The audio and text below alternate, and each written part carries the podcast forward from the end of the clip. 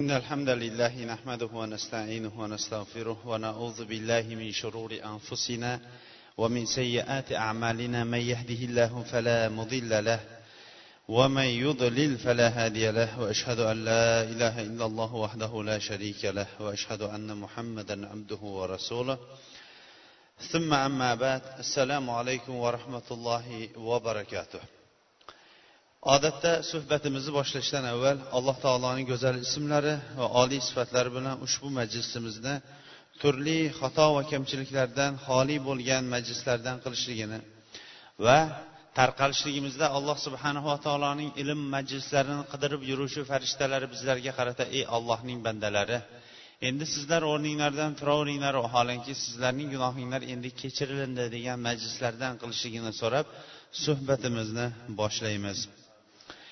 Katta tarixdan qilayotgan darsliklarimiz ahzob yoyinki handaq jangi desak ham bo'laveradi. Mana shu voqeaga va voqea sodir bo'layotgan o'ringa kelib to'xtagan edik.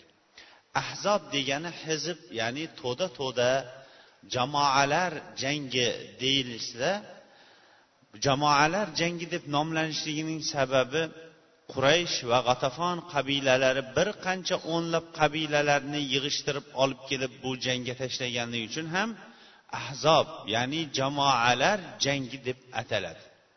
Ammo handaq jangi deb nomlanishligining sababi bu jangda islom tarixida birinchi marta yuqorida aytganimizdek salmon forsiy roziyallohu anhuning ishorasi bilan handaq qazilganligi uchun ham handaq jangi deb ataladi. Madinaning atrof tomonlari tog'lar bog'lar bilan o'ralganligi va alloh subhanava taolo rasululloh alayhissalomni payg'ambar bo'lib chiqishidan bir qancha asrlar avval vulkanlar bilan madina shahrini o'rab qo'yganligi sababli ham rasululloh alayhissalom ham yaxshi bilardi madinaning shimoliy tomonidan boshqa joydan dushman kelmasligini. Shuning uchun ham rasululloh sollallohu alayhi vasallam madinaning shimoliy tomonida mana shu handaq qazishlikka insonlarni targ'ib qildi va handaqni ular qazishdi. Handaqni ular nihoyatda bir jur'at bilan qazishdi. Kun bo'yi musulmonlar handaq qazishardi kechqurun esa ahllariga qaytardi. Hatto handaq mushriklarning askarlari yetib kelgunga qadar handaq qazilib bo'lindi. Quraysh to'rt ming askar bilan kelib yomg'ir suvlari to'planib qoladigan o'rindagi jurf va ziaba degan o'rin oldiga kelib o'zining askarini tushirdi. G'atafon najd ahli va boshqa qabilalarning barchasi olti ming askardan iborat bo'lib ular uhud tomonga qarab tushishdi. Bu o'n ming askar yuqorida aytganimizdek madina ahlining yoshlariyu chollarini go'daklariyu ayollariyu qariyalarini sanaganda ham madina ahlining soni o'n mingta chiqmas edi. Bunaqangi katta askar hali madinaga kelmagan edi. bunaqangi katta askarni ko'rganda odamlar qanaqa holatda bo'lishligi hammaga ham ayon edi lekin mo'minlarning qanday turganligini alloh subhanava taolo bizlarga sifatlab auzu billahi minash shaytonir rojim ولما راى المؤمنون الاحزاب قالوا هذا ما وعدنا الله ورسوله وصدق الله ورسوله وما زادهم الا ايمانا وتسليما deydi mo'minlar guruh guruh bo'lib kelgan askarlarni ko'rgan vaqtlarida ular olloh va rasulining bizga qilgan va'dasi mana shudir.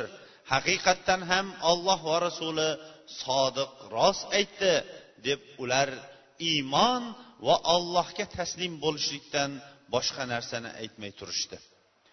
Ammo iymonlari zaif yoyinki munofiqlar esa auzu billahi minash shaytonir rojim وإذ يقول المنافقون والذين في قلوبهم مرض ما وعدنا الله ورسوله إلا غرورا أما منافقlar va qalblarida maraz kasalliklari bo'lganlar bizga olloh va rasuli yolg'on narsalarni va'da qilishdi deb aytdi deydi insonlarni sinash nihoyatda oson bo'ladi bugungi kunda tinchlik davrida insonlarni sinashlik ularga oldi berdi qarz berishlik quda bo'lishlik qo'shni bo'lishlik safarga chiqishlik bo'ladigan bo'lsa jang maydonlaridagi og'ir mashaqqatda insonlarning holati qanaqa bo'lishligini inson bilib ketaveradi. Keyingi asrlarda bo'layotgan janglarning barchasida ham ikki jang maydoniga ikki frontga xizmat qilganlar tarixda nihoyatda ko'p bo'lgan mana shunday boshga musibat tushgan vaqtda alloh subhanava taolo bandalarini mana shunday sinab ko'radi.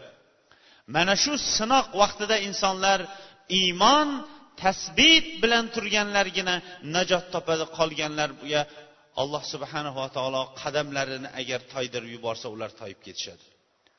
Rasululloh sollallohu alayhi vasallam o'n mingta askarga atigi uch ming askar bilan chiqdi. Va sila degan tog' tomonni orqa tomoni qilib turishdi.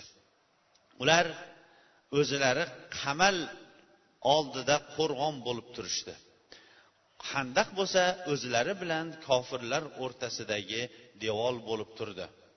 Ularning shiorlari hammim la yansurun ular yordam olisholmaydi deb turishdi. Madinaga ibn ummu maktumni boshchi qilib qo'ydi.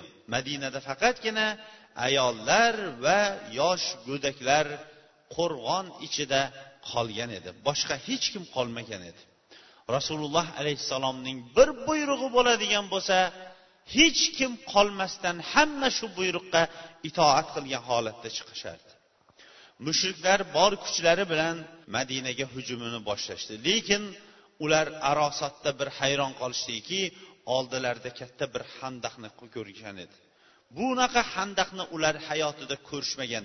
Chunki yuqorida aytganimizdek arablarda handaq qazishlik shu kunga qadar mana shu tarixga qadar ularning tarixida bo'lmagan edi. Ular majbur madina shahrini tashqaridan qamal qilishlikdan boshqa narsani topisha olmadi. Madinani boshqa kira olmaydigan joy topa olmaganidan keyin handaqdan o'ta oladigan joylarni qidirishlikka harakat qilishdi. Lekin ular qachon handaqdan biron bir zaifroq joyi yoyinki qisqaroq qazilgan joyini topadigan bo'lsa o'sha yoqqa harakat qiladigan bo'lsa musulmonlar darrov tepadan ularni nayzalar bilan olishardi va orqaga qaytib kelishardi. Qurayshning otliqlari bir qancha marta handaqdan o'tishlikka harakat qilishdi lekin o'tisha olishmadi. Lekin shunga qaramasdan ularning bir jamoasi amr ibn abid ikrimat ibn abi jahl va ziror ibn hattob va shunga o'xshaganlari handaqdagi bir torroq joyni ko'rishdida shu yerga ot solishdi. Ali ibn abi tolib roziyallohu anhu va bir qancha sahobalar chiqishdida ularga qarshi o'q solishdi. Va amir yolg'izma yolg'iz kurashishlikka chaqirdi. Ali ibn abi tolib roziyallohu anhu chiqdi. Chiqqan vaqtida nihoyatda ikki tomonni shijoatlantirib yuboradigan nomusga tegadigan ham gaplarni gapirdi. Lekin ali roziyallohu anhu darrov chiqdida bir ikki qilich urgandan keyin ali roziyallohu anhu u kishini tinchitib qo'ya qoldi. Ortda qolganlar esa orqaga chekinishlikka majbur bo'ldi. Va shu bilan ular qaytib bu handaqdan o'tishlikka harakat qilishmadi. Qolgan kunlarning barchasida ular handaqda madina ahlini qamal qilishlikdan boshqa narsani topisholmadi lekin ular qamal qilamiz degan o'yi yetti uxlab tushiga ham kirmagan edi. Chunki arablarda handaq va handaqdan keyin qamal degan masala bo'lmagan edi. Ular shunday kelib madinani bosib o'tib ketamiz va madina ahlining oziq ovqati bilan ovqatlanamiz deb o'zlari uchun ko'p oziq ovqat ham olmagan edi. Ba'zi kunlari ular handaq kunlari hujum qilishardi. Hatto bu hujum musulmonlarni ba'zi bir namozlardan o'z vaqtidan kechiktirib qo'yadigan darajada hujum qilishardi. Tasavvur qiling o'n ming askar uch ming askarga qarshi. Muttafaqun alayh bo'lgan hadisda bir kuni umar ibn xattob handaq kuni makka mushriklarini so'kkan holatda keldi. Yo rasululloh asr namozini ular bilan ovora bo'lib o'qiy olmay qoldim. Hatto mana quyosh ham botib ketyapti dedi. Rasululloh sollallohu alayhi vasallam biz ham hali o'qiganimiz yo'q dedi. Keyin barchalari bathon degan o'ringa tushdilarda tahorat olishdi namoz o'qishdi birinchi asrni o'qishdi. Keyin esa shom namozini o'qidi quyosh botganidan keyin. Bularning barchasi dalolat qiladiki makka mushriklari katta bir tayyorgarlik bilan kelgan va imkon qadar madinaga kirishlikka ular qamal vaqtida harakat qilishdi. Qamal vaqtida o'zaro bir birlaridan otishmalar bo'lib turdi. Lekin katta bir sondagi deyarli bir odam o'lgani yo'q. Ikki tomondan barmoq bilan sanaladigan musulmonlardan olti kishi mushriklardan o'n kishi qatl qilindi. Ularning ikkitasigina qilich bilan o'ltirilindi. Shu yoy tekkanlardan bittasi sad ibn muoz roziyallohu anhu edi. Yoy tegib u kishining ba'zi bir a'zolarini kesib yuborgan edi. Qurayshlik habbab ibn araqa degan kishi bu kishini otgan edi. Sad ibn muaz roziyallohu anhu ansorlarning boshchisi islomga butun moliyu joni bilan tik turgan buyuk bir sahoba edi. Jarohat yetib turgan vaqtida duo qildi. Ey olloh sen bilasanki yer kurasida sen uchun kurashishlikdan ko'ra men uchun suyukli amal yo'qdir. Sening payg'ambaringni yolg'onga chiqargan diyorlardan quvganlar bilan kurashishlikdan ko'ra men uchun suyumli amal yo'qdir. Ilohim meni o'yim endi mana shu mushriklar bilan oxirgi jang mana shu bo'lsa kerak. Agar oxirgisi bo'lmasa menga umr ber. Hatto mana shu yo'lda men mujohada qilay. Agar jang to'xtagan bo'lsa jangning to'xtashlik belgisini mening o'limim qil va mening jonimni banu qurayzada hukm chiqarmaguncha jonimni olmay tur deb duo qildi. Musulmonlar mana bunday bir shiddatli holatda turishardi. Barchalari o'zidan uch barobardan ko'proq bo'lgan askar oldida turadigan bo'lsa orqalarida o'zlarining zurriyotlarini ahlu ayollarini biron bir qo'rg'onsiz tashlab kelishgan edi. Mana shu o'rinda sopini o'zidan chiqargan holatda banu isroilning banu nadir qabilasidagi kattalari banu qurayza qabilasining kattalariga keldi. Ularning o'rtasida avval aytgandaqa payg'ambar alayhissalom bilan o'rtada kelishilgan shartnoma bor edi. Agar hujum bo'lsa bir birimizga yordam beramiz. Dushmanlarga himoya bermaymiz degan kelishim bor edi. Unga qaramasdan kab ibn asadil quradiyning oldiga banu nadir qabilasining kattasi keldi. Kelishligi bilan bu qurayda qabilasining kattasi eshigini yopib oldi. Huyay bo'lsa banu nadir qabilasining kattasi edi. Ey kab dedi men sizga bir izzat bilan kelyapmanki bu izzatni hayotingizda ko'rmagansiz. Qurayshni kattalariyu boshchilari bilan barchasini olib keldim va ularni mana madinaning eshigiga tushirdim. G'atafonni kattalari bilan olib keldim. Suvday oqib kelishdi ular. Uhud tomonga tushirdim. Menga bu ikkovlari ham va'da berishdi. Muhammadni va ashoblarini tag tugi bilan yo'q qilmagunicha bu yerdan ketmaslikka va'da berishdi. Endi ocha qoling dedi. Kab aytdiki siz dedi allohga qasamki olib kelgan narsangiz yaxshi narsa emasdir dedi. Holingizga voy bo'lsin men muhammadni shuncha yildan buyon sodiqlik va ahdiga vafo bilan kelyapman siz kelib o'rtamizni buzib qo'ymang dedi. Huyay kabni mana shu gaplar bilan aytaverdi aytaverdi hatto eshikni ochirdi. Eshikni ochgandan keyin kirdi va uni bu qabilalar bilan birga payg'ambar alayhissalomga qarshi kurashishlikka ko'ndirdi. Kab ko'nishligi bilan eshikni ochishligi bilan rasululloh sollallohu alayhi vasallam bilan o'rtada bo'lgan ahdu paymonning barchasi uzilib ketdi. Banu qurayda urushni ochib yubordi. Safiya binti abdul muttolib aytadi bu rasululloh sollallohu alayhi vasallamning ammalari. Biz hassan ibn sabitning uyining qo'rg'onida edik. Barchamiz ayollar va yosh go'dak bolalaridan iborat edik. Faqatgina qari hassondan boshqa hamma ayollar va yosh go'daklardan iborat edi. Banu qurayda o'zining ahdu paymonini buzgandan keyin madinani bir tekshirib chiqishlik uchun bir yahudiyni bizga yubordi. Bu qal'a atrofida aylanib yurdi.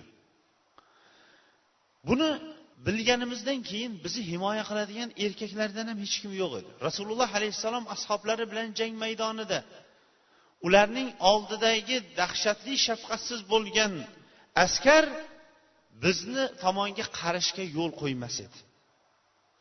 Men hassonga qarab turib ey hasson mana bu yahudiy kelib qo'rg'on atrofidan aylanib yuribdi.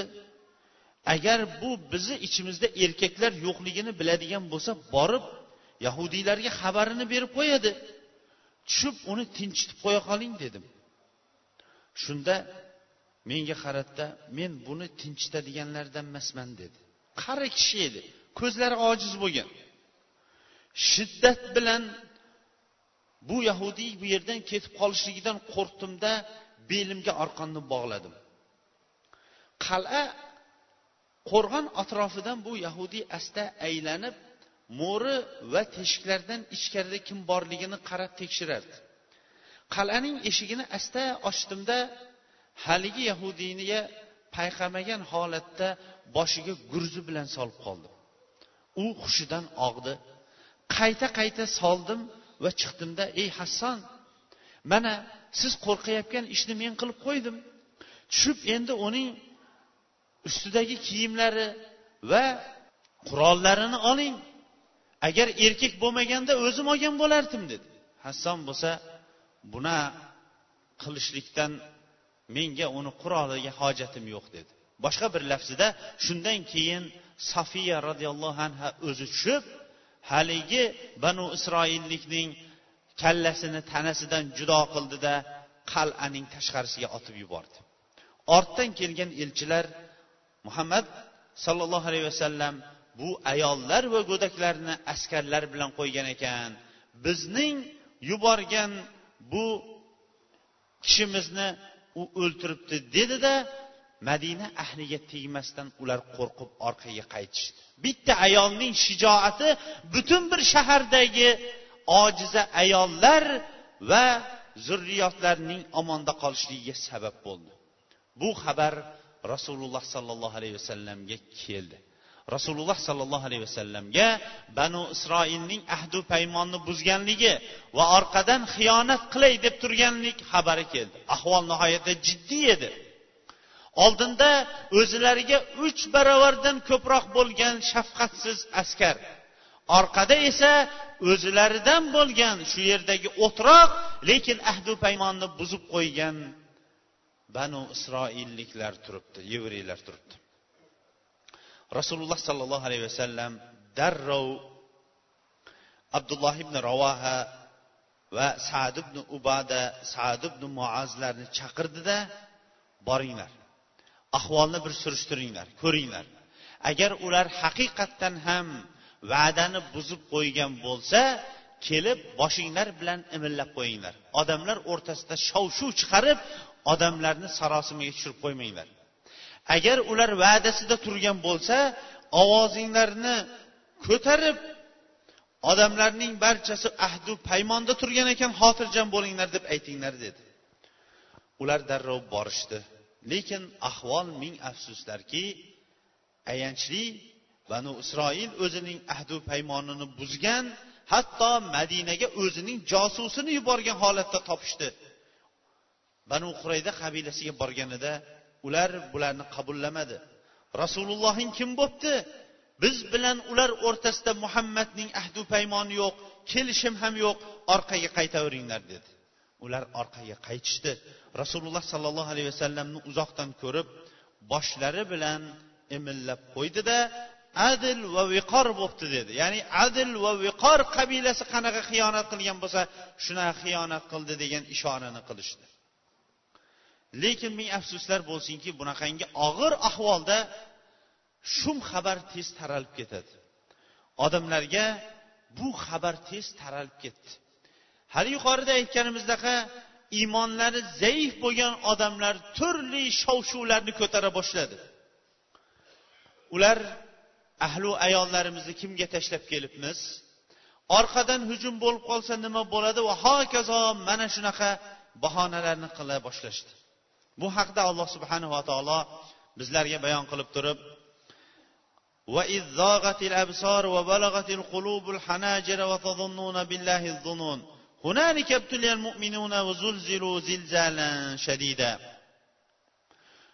ko'zlar alanglagan yurak esa tomoqqa borib qolgan va allohga bo'lgan turli gumonlar endi boshlandi mana shunda mo'minlar haqiqiy bir ibtilo imtihon bilan imtihonlanib haqiqiy qattiq bir oyoqlaridan zilzila ketdi munofiqlar esa iya ha kechagina muhammad bizga kisroning xazinasidan ovqat yeymiz deb turuvdi.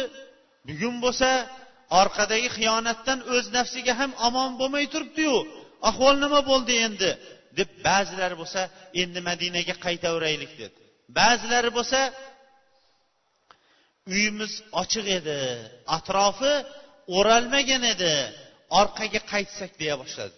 Alloh subhanava taolo ular haqida ham bizlarga xabar berib turib وإذ يقول المنافقون والذين في قلوبهم مرض ما وعدنا الله ورسوله إلا غرورا. وإذ قال طائفة منهم يا أهل يثرب لا مقام لكم فارجعوا. ويستأذن فريق منهم النبي ويقولون إن بيوتنا أورى وما هي بأورى إن يريدون إلا فرارا.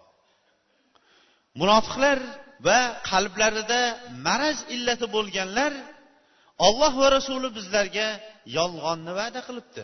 Desa ularning boshqa bir toifasi ey madina ahillari bu yerda endi turishinglarga hojat yo'q orqaga qaytaveringlar desa boshqa bir toifasi payg'ambardan ruxsat so'rab turib uyimizni atrofi o'ralmagan edi bola chaqaga qarash kerak edi deb aytishadi. Vaholanki uylarining atroflari o'ralmagani ular uchun uzr emas lekin ular jang maydonidan qochishmoqchi deydi. Rasululloh sollallohu alayhi vasallam ham bir oz o'ylanib qoldilar. Bu kishi ham inson edi. Mana shunaqa bir og'ir holatlarda payg'ambarlarning ahvollari ham yengil bo'lmagan. Imtihonlar ularga oddiy odamlarning imtihonidan ko'ra bir qancha barobar og'ir kelgan. Muso alayhissalom o'zining qavmini fir'avn va uning zulmidan olib ketayotgan vaqtda bir umrlik manqurtlikdan ozod qilib olib ketayotgan vaqtda ular katta bir mo'jizalarni ko'rdi. Nil daryosining ularga katta bir yo'l bo'lib ochilganligini ko'rdi. Sahroga chiqqanidan keyin ozgina chanqaganidan keyin shu manqurt bo'lib yurganimiz yaxshi edi. Sen bizni mana shu cho'lga olib kelmaganingda dedi. Alloh subhanava taolo buyurdi. Hassangizni uring deb. Ularga shunday bir zilol bir pokiza suvlar chiqdiki ular hayotlarida shu misrliklarning qoldig'ini ichib yurganda bunaqa suv ichmagan edi. Ozroq vaqt o'tgandan keyin och qolgandan keyin misr ahlining yuvindisini ichib yurganimiz yaxshi edi. Sen bu yerga cho'lga olib chiqmaganingda dedi. Muso alayhissalom duo qildi. Alloh subhanava taolo ularga yengil bedana va yengil shunaqa taomlarni osmondan yog'dirib berdi. Ozroq vaqtdan keyin ular yana shu go'shtlardan ham malollanib turib bizlar uchun bir yosmiq no'xat piyoz shunga o'xshaganlar yaxshi edi bu taomlaringdan dedi. Butun bir payg'ambarlarning barchasiga ummatlarning barchasi o'zi malomat qiladigan bo'lgan. Shuning uchun ham yaxshilik qilgan odamning barchasi mana shunaqa qavmidan malomatlarga erishib kelgan yoyinki shafqatsiz bo'lgan siyosat ortida zulmlanib kelgan.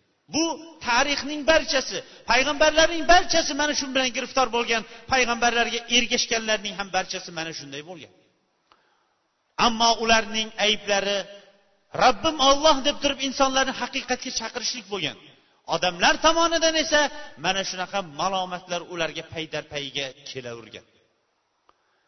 Rasululloh alayhissalom ham quraysh ahliga qarshi kurash ochmagan edi. Banu isroil bilan ham urush ochmagan edi tinchlik xotirjamlik bilan yashayotgan edi. Lekin rasululloh sollallohu alayhi vasallam va u kishiga ergashganlarning aybi bor edi. Aybi ular qilayotgan ibodatni qilmasdan yolg'iz ollohga qilgan qulchiligi. Rasululloh alayhissalom ham og'ir bir ahvolda qoldilar. Boshlarini tang boyladilar ozgina o'ylanib turdilar. Keyin bo'lsa o'rinlaridan turdilar va allohu akbar alloh subhanava taolo ey musulmonlar bizlarga yordam va bashorati bilan xushxabar beryapti fath bilan diyorlarni ochishlik xushxabarini bizlarga beryapti dedi. Va madinadagi ayollaru go'daklarni o'ylagan holatda madina ahlini chaqirib maslahatlashdi. G'atafon ahli bilan kelishsak g'atafonga yilga madina shahridan chiqqan mevalarning uchdan birini berib turib qaytarib yuborsak nima deysizlar dedi. Ansorlar olloh ulardan rozi bo'lsin. Jonlariyu mollarini oxirgi qonlarigacha islom va musulmonlarga fido qilib yuborgan edi. Shunda sad ibn muoz va ukalari ikkinchi saadlar ham yo rasululloh dedi. Buni sizga agar olloh buyurgan bo'lsa bosh egamiz taslim bo'lamiz. Ammo o'zingiz tomondan aytayotgan bo'lsangiz uzr biz mushrik bo'lib turgan vaqtimizda ham ularga mol davlatlarimizni mevalarimizni sotib berganmiz. Olloh bizlarni islom bilan aziz qilib turgan vaqtda ularga oyoq kiyimimizning iplarini ham bermaymiz. To jonimizning oxirigacha kurashamiz dedi.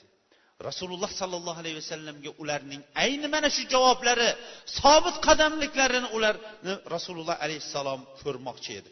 Rasululloh sollallohu alayhi vasallam mana buni ko'rgandan keyin men sizlardan nima qilib mana shu javob berishliginglarni kutgan edim.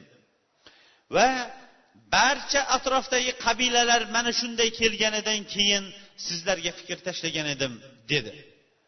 Imtihon o'zi insonlarga bir keladi. Qattiq bir qisib kelgan vaqtda shu o'rinda imtihonga chidagan odam uchun alloh taolo bir yo'l ochib qo'yadi. Ba'zi bir insonlar boshlariga ish tushib qarzlar botib ketib ishlar yurishmay qolib vaqtida sabr qilmasdan ba'zan sutxo'rlik ba'zan qalloblik ishlariga majbur bo'ldim shu sutxo'rlikdan pul olishlikka degan uzrlarni aytadi. Ammo agar ozgina sabr qilsa alloh subhanava taolo u o'ylamagan joydan rizqini berib qo'yadi.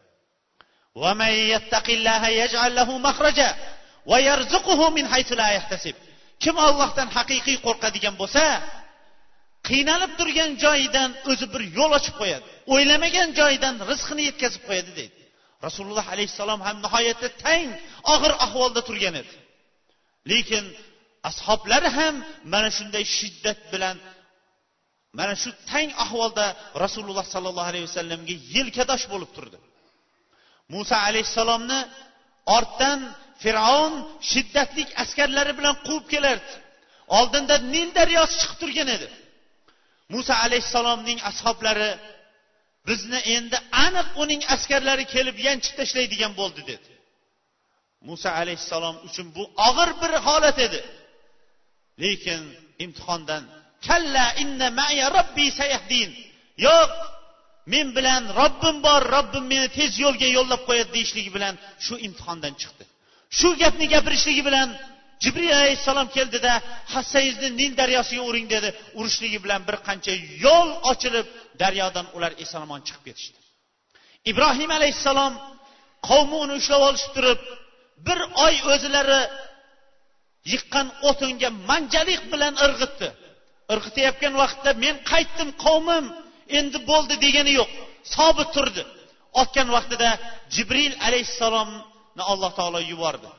Jibril alayhissalom kelib bizga hojatingiz bormi? deganda ammo sizga yo'q robbimga bor dedi. Alloh taolo darrov o'tga buyruq qildi. Ya narukuni bardan va salaman ibrohim. Ey olov ibrohimga salomat va salqin sovuq bo'l dedi. Ibrohim alayhissalom qavmining bir oy yiqqan o'tining ichida xotirjam ravishda salqin bo'lib o'tirardi. Rasululloh alayhissalom ham mana bunaqa tang holatda turganida ashoblari yelkadosh bo'lib turib bu javobni aytgandan keyin alloh subhanava taolo ularning mashaqqatiga yengilchilikni ochib qo'ydi. Har bir oyning o'n besh kuni qorong'i bo'lsa o'n besh kuni yorug' ekanligini mo'min kishi bilmoqligi kerakdir. Imom shofiy rahmatullohi alayhga bir kishi keldida ey imom birinchi mashaqqat keladimi yoyinki yengilchilik keladimi? deganda birinchi mashaqqat keladi. Eshitmaganmisiz?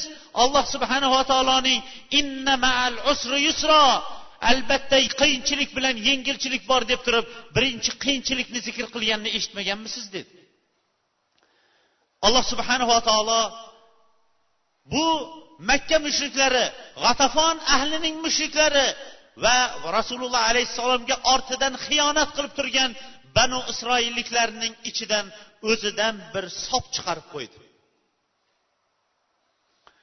G'atafon qabilasidan naim ibn masud degan bir obro'li kishi musulmon bo'lib kelib qoldi. Rasululloh alayhissalomga kelib ya rasululloh men musulmon bo'ldim. Qavmim mening hali musulmon bo'lganligimni bilmaydi. Xohlagan narsangizga buyuring dedi. Rasululloh alayhissalom siz bir kishisiz. Lekin qo'lingizdan qanchalik bir imkon keladigan bo'lsa imkon qadar xizmat qiling chunki jang makr hiyladan iboratdir dedi. Bu kishi to'g'ri payg'ambar alayhissalomga xiyonat qilib turgan banu qurayda qabilasiga bordida ular ichiga kirib o'tirdi. Avval ular bilan nihoyatda do'stona oldi berdisi bor edi chunki bu kishi atrofda obro'li bo'lgan kishi edi. Hammalar bu kishiga ishonardi. Ey banu qurayda qabilasi mening sizlarga bo'lgan nasihatim do'stligimni eskitdan bo'lgan sadoqatimni bilasizlar dedi. Ular to'g'ri biz bilamiz sizga ishonamiz dedi. Quraysh dedi sizlarga o'xshash emas bu shahar sizlarning shaharinglar. Mollar farzandlar ayollar sizlarning mollaringlar farzandinglar shahringlar. Quraysh bo'lsa unaqa emas yengilib qolsa qaytib ketadi. Og'irlik sizlarga tushadi. Va'dani buzib xiyonat qilib turibsizlar dedi. Ular to'g'ri aytyapsan. Agar quraysh yengilsa orqaga qaytsa mashaqqat bizga tushadigan bo'libdiyu nima qilaylik dedi. Sizlar dedi hozir urushga chaqirsa urushga chiqmanglar. Hatto qurayshning eng katta obro'li bo'lgan o'nta odamini garovga olmaguninglarcha garovga olamiz keyin urushamiz. Chunki garovdagilarni tashlab jangdan ketib qololmaysizlar deysizlar dedi. Bu banu qurayda qabilasiga moyday yoqib tushdi. To'g'ri aytdingiz dedi. Bu kishi to'g'ri bordida quraysh ahliga aytdi. Ey quraysh ahli dedi mening sizlarga do'stligim sadoqatimni bilasizlar dedi. Bilamiz sizda gumonimiz yo'q dedi. Hozir dedi sizlar bilan o'rtada banu qurayda va'dasini buzib o'tiribdi. Qurayshliklar ketib qoladigan bo'lsa og'irlik bizga tushadi deb o'tiribdi. Shuning uchun ham o'nta o'nta o'zlaridan katta obro'lilarni garovga olamiz hatto quraysh tashlab ketib qolmasligi uchun deyapti dedi. Bular sarosimaga tushib qolib nima qilaylik dedi. Bermanglar ularga dedi. G'atafon qabilasiga borib ham shuni aytdi. Ozroq vaqt o'tgandan keyin quraysh odam yubordi buni quraydaga. Endi urush boshlaymiz. Biz oldi tomonda sizlar orqa tomondan deganda banu qurayzaliklar aytdiki o'nta odamni bermaguninglarcha biz urush boshlamaymiz dedi. Mushriklar makkaliklar g'atafonliklar naim to'g'ri aytibdi dedi. Va darrov ularga o'nta odamni berib bo'pmiz sizlarga bermaymiz dedi. Banu quraydaliklar yana naim to'g'ri aytibdi unday bo'lsa urushmaymiz dedi.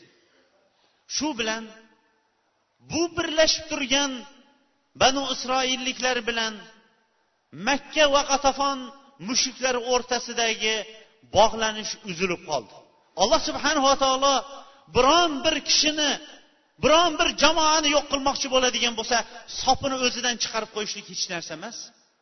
Alloh subhanava taoloning amri shunchalik bir hikmatlikki yer kurasini yutaman deb turgan biron bir maxluq keladigan bo'lsa burniga shu yutgan maxluqotlar ichida maxluqot uning oldida hisoblanmaydigan qurtni solib qo'yib ham yo'q qilib yuboradi. Bitta odam oldi tomonida o'n mingta askar orqa tomonida sonini ollohni o'zi biladigan ravishdagi katta bir askarni buzilib jang rejasi mutlaq buzilib o'zlarining ziyoniga ketishlikka bitta odamni sabab qilib qo'ydi. Ha haqiqatdan ham ollohdan taqvo qilgan boshlariga musibat kelgan vaqtlarida har qanaqa musibatga sabr qilib ollohdan umid qilib turgan kishini alloh subhanava taolo tashlab qo'ymaydi va tashlab ham qo'ymagan. Natija nima bo'lganligi haqida inshaalloh kelgusi darsda suhbatimizni davom ettiramiz.